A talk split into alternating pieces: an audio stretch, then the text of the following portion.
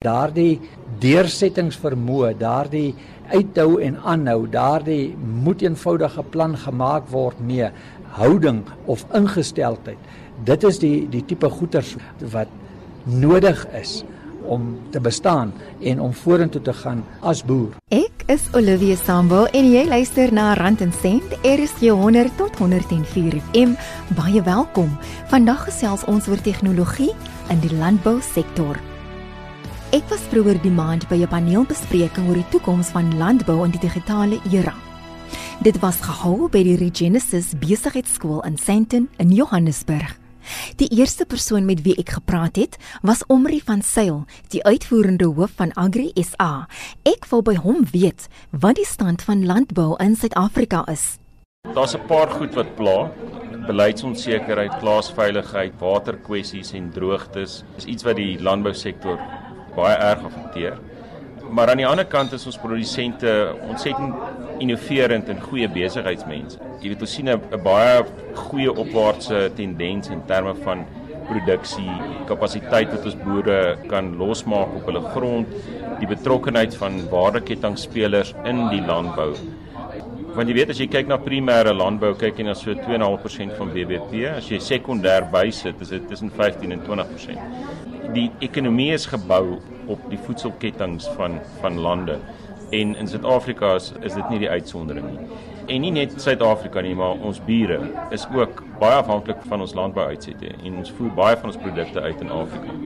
Die gebruik van tegnologie in die landbousektor is reeds ver gevorderd. As jy byvoorbeeld na Nampo toe gaan, ek dink nie mense besef hoe gesofistikeerd landbou is nie. Jy weet jy praat van presisieboerdery, jy praat van biotehnologie, nanotegnologie, jy praat van genetika. Daar's soveel goed in landbou wat dit eintlik 'n ongelooflike gesofistikeerde industrie maak. Dit is so verskillend. Ek meen 'n wolboer en 'n en 'n wynboer en 'n visboer het totale verskillende prioriteite. Ek dink dis een ding wat ons boere is is in Engels sê hulle adopters van tegnologie. En as jy na 'n plek soos Nampo toe gaan en sal jy sien dat dit is eintlik ongelooflik gesofistikeerd ons is 'n lid van die Wêreldboerderyorganisasie en ek is verantwoordelik vir die vir die koöperatiewe gedeelte daarvan. En as jy byvoorbeeld as ons gaan gaan kyk na wêreld probleme en ons ons gesels oor landbou, dan gesels ons met ouens soos Amerika en Europa en Australië want ons sektor is is so gesofistikeerd dat ons met daai ouens meeding internasionaal. En onthou ons het nie 'n gesubsidieerde uh, landbousektor nie, nie. So die uitbreiding en die ekonomie van skaal en slim boer en presisie boerdery, daai goeters raak net al hoe belangriker en belangriker.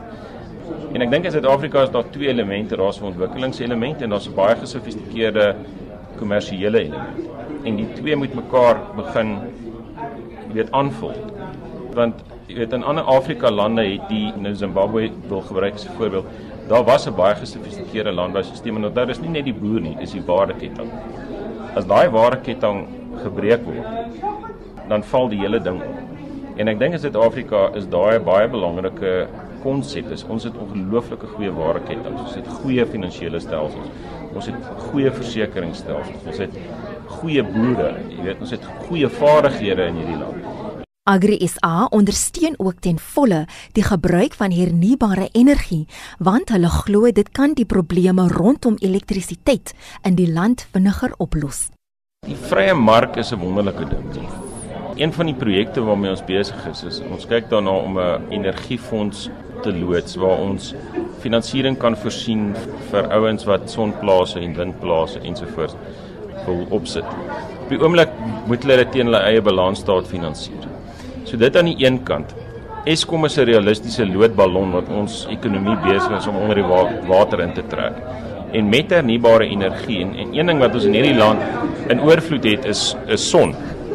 Dis 'n nou breiner as jy kyk na die energiesamestelling van Suid-Afrika om hernubare energie in die vorm van son en wind en so aan in die grid in te bring vir wat wat Suid-Afrika se se energiebehoeftes aanbetref.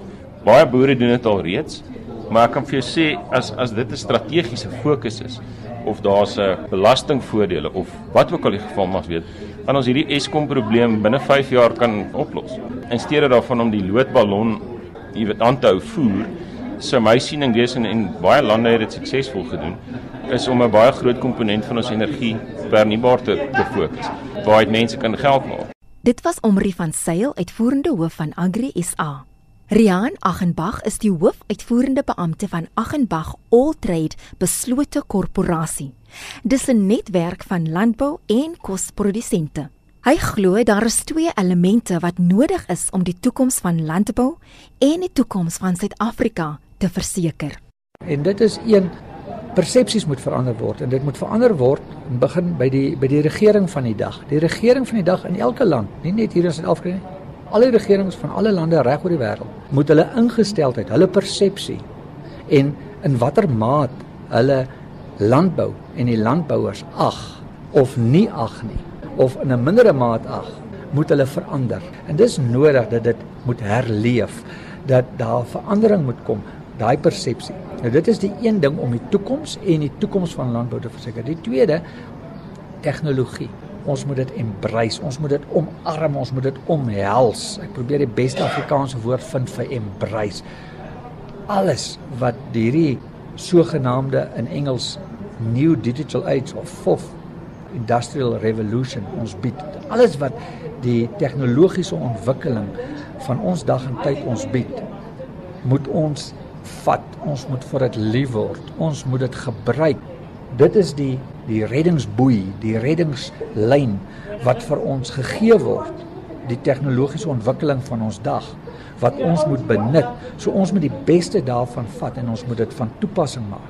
Die belang is net ons moet dit reg implementeer en gebruik om meer effektief meer koste-effektief te boer, kos te produseer sodat kos goedkoper en meer gereedelik beskikbaar kan kom vir die eindverbruiker, vir die mens daar buite wat maar net 'n aanvaarbare prys wil betaal vir iets om te eet. Maar daar's ook 'n woord van waarskuwing daarmee saam. Jy kan nie jouself as jy nie die kapitaal het daartoe en daarvoor voorsiening gemaak het, sommer net oornag al die tegnologiese vorderinge en ontwikkelings wat beskikbaar is om in jou boerdery of in jou besigheid te gebruik net te bekom vir bekom onthaalwe nie.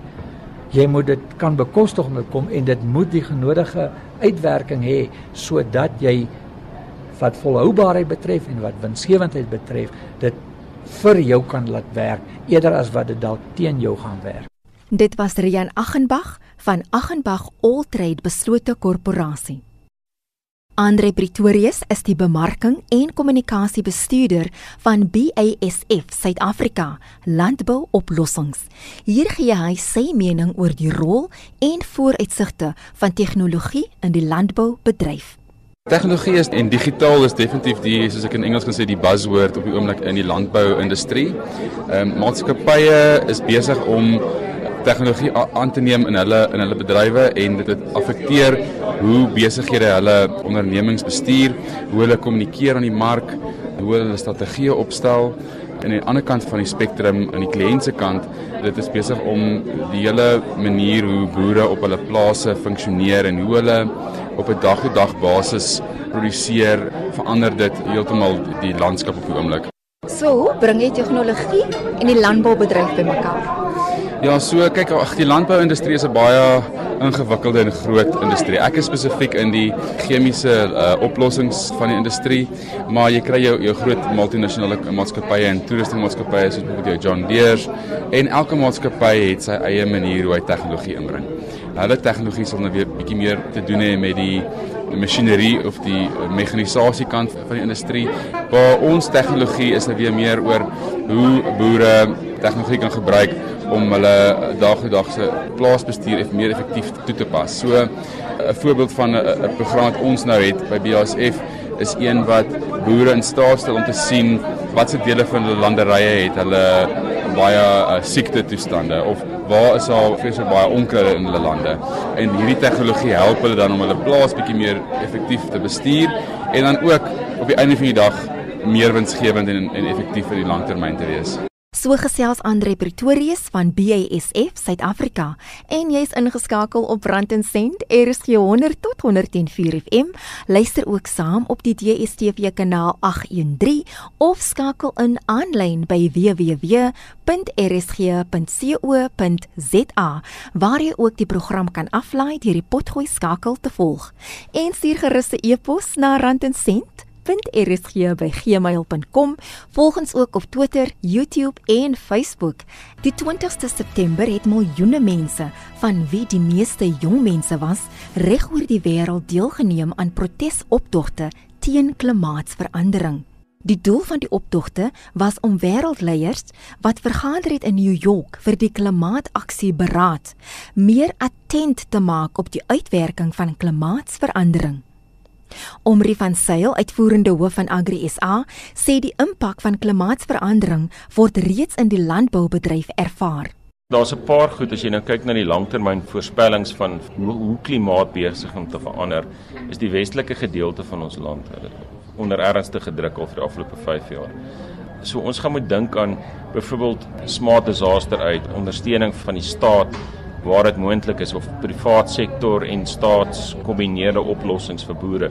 Want die mitigant vir klimaatsverandering is is byvoorbeeld in Engels noem hulle dit climate smart agriculture. Maar jy weet as jy nou gaan praat met iemand in Louriesfontein wat nou al vir die afgelope 5 jaar droogte het, is dit 'n fundamentele finansieringsprobleem. So daar's 'n finansieringskomponent daarin waar daar op streng kommersiële terme sukkel boere om by te hou in terme van hulle kontantvloei wat al 3, 4, 5 jaar deur droogtes geaffekteer is.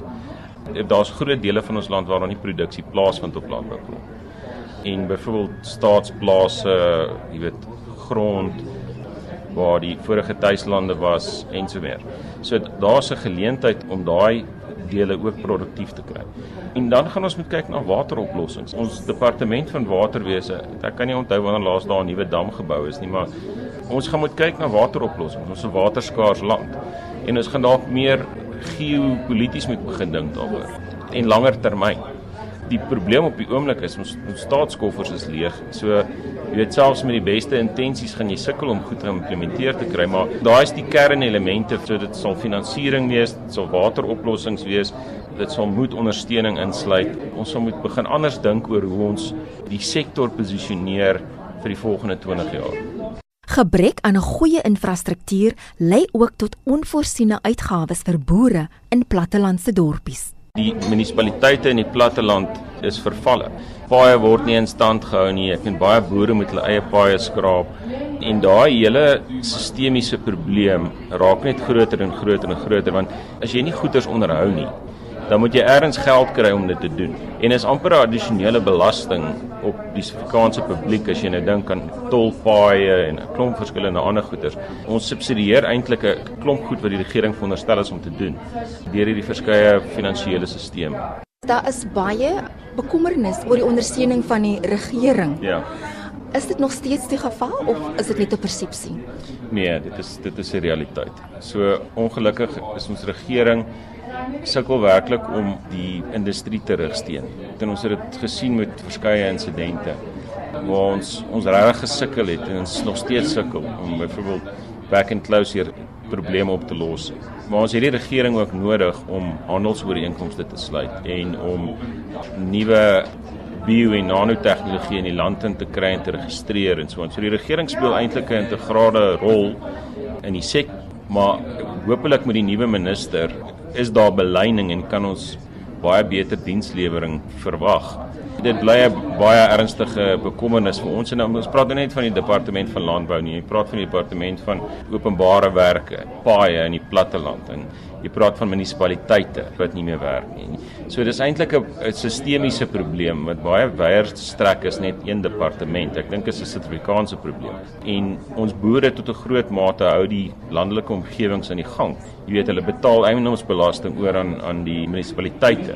As jy nie meer daai infrastruktuur rondom jou het nie, dan is dit totale verval. So Ek dink is ontsettend belangrik dat die regering besef en ons sê dit ook vir hulle maar dat hulle besef hoe integrale rol landbouers in die platteland speel om die skroewe almal alles bymekaar te hou. Want sonder daai samebindende rol van die landbousektor sal die platteland heeltemal verval. Dit is 'n samewerking tussen verskillende liggame, tussen verskillende sektore, tussen verskillende departemente. Hoe bring jy daai boodskap uit dat julle maak saak en dit is julle rol in hierdie ketting? Mm, ja, so ons het vyf sentrums van uitnemendheid waar ons fokus op energie en ekonomie, op natuurlike hulpbronne. So ons het nou byvoorbeeld hierdie hofsaak gewen oor die skaliegas ontwikkeling in Suid-Afrika wat 'n wesenlike impak sou gehad het op die die landbousektor en dan het ons een vir arbeid en ontwikkeling. So dis deel van die instituut wat ons besig is, um, ons noem dit die professionele boerdere instituut, Professional Farmers Institute wat ons posisioneer as 'n groeinode vir die industrie en 'n opleidings- en ontwikkelingshub. En dan het ons ook een vir veiligheid wat van selfsprekend baie belangrik is. En dan ons een oor grond, die beskerming van eiendomsreg vir alle Suid-Afrikaners en vir boere en hoe ons gekant is teen die wysiging van die grondwet. So hierdie verskillende sentrums, ons praat met die departement van waterwees, ons praat met die departement van landbou, ons probeer hulle beïnvloed, ons probeer planne op die tafel sit, ons probeer 'n konstruktiewe bydrae lewer. Ons gaan nie ons land uit die moeilikheid uitkry in die howe nie. Dit gaan op die grond moet gebeur. En Suid-Afrikaners en boere is meer as bereid om dit te doen. Maar ek dink ons gaan mekaar moet vind in terme van die vermoë om dit te doen en waar die finansiële hulpbronne gekanaliseer word. Want op die oomblik is daai twee nie in balans nie. Rian Achenbach van Achenbach All Trade beslote korporasie bieg dat dit 'n een eensame pad is om 'n boer te wees en ook dat daar 'n groot gebrek aan genoegsame ondersteuning van die regering is. Ek kan nou nie vir ander boere as so praat nie want ek het nie 'n magtiging van hulle verkry nie, maar in my eie persoonlike lewe en ook as 'n produsent van kos, is dit inderdaad so en ons komitee by van ons kliënte ook. Is daardie eensaamheid wat verband hou met boer wees, die strukture wat veronderstel is om jou te maak voel daar is 'n respek vir wat jy doen, die beroep wat jy beoefen en soveel ander goed wat heidaglik aktueel is en wat aan die gebeur is, maak mense nog meer afgesonder en in 'n sekere gevoel amper 'n gevoel van hulle word uitgesonder as die die slegte ouens daar buite. En dit saam met daai gevoel van jy is op jou eie en jy's op jou eie aangewese en daar is niemand as dinge regtig nie goed gaan wat vir jou gaan probeer een of ander ondersteuningsnetwerk hê of help soveel dele van ons land in die Noord-Kaap, dele van die Oos-Kaap, in die Wes-Kaap, die Karoo wat onder 5, 6, 7 jaar se erge droogte toestande gebuk gaan en wat moet deel daarmee. Dit raak deesdae 'n sielkundige aspek om letterlik net deur 'n dag te kom en al die uitdagings te oorkom en mee te deel wat verband hou met die beroep wat jy beoefen, die poging wat jy daarvan maak om iets te produseer en dan ook 'n inkomste daaruit te kan laat realiseer. So inderdaad in my eie persoonlike geval, maar ek dink met ander landbou en kosprodusente wil ek my verstout om te sê glo ek is dit ook so dat jy voel daar is net nie eenvoudig genoeg strukture en en omgee vir wat jy doen en wat jy poog om te doen om ook maar net 'n lewe te maak.